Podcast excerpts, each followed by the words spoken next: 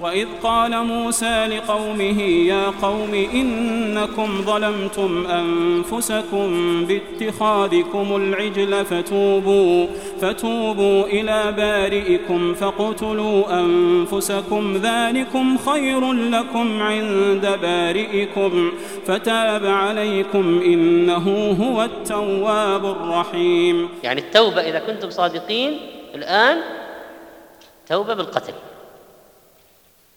فاقتلوا أنفسكم ذلكم خير لكم عند بارئكم فتاب عليكم إنه هو التواب الرحيم. قال ابن كثير رحمه الله لم يقبل الله توبة عابدي العجل إلا بالقتل. فالله عز وجل ساق إليهم غمامه سحابة أظلمت الدنيا عليهم وكل واحد رفع السيف يخرج من بيته بالسيف. كلهم يخرجون إلى الطرقات. كل واحد رافع السيف يقتل أي واحد يواجهه. فيقال إنه قتل منهم سبعين الفا. وهنا تبين رحمة الله بهذه الأمة أن جعل التوبة فيهم ولو كان واحد أشرك وكفر ليست القتل. إذا تاب تاب الله عليه مهما كان جرمه. فالحمد لله على هذه النعم والحمد لله أنه جعلنا في هذه الأمة. هذه نعمة عظيمة من الله عز وجل.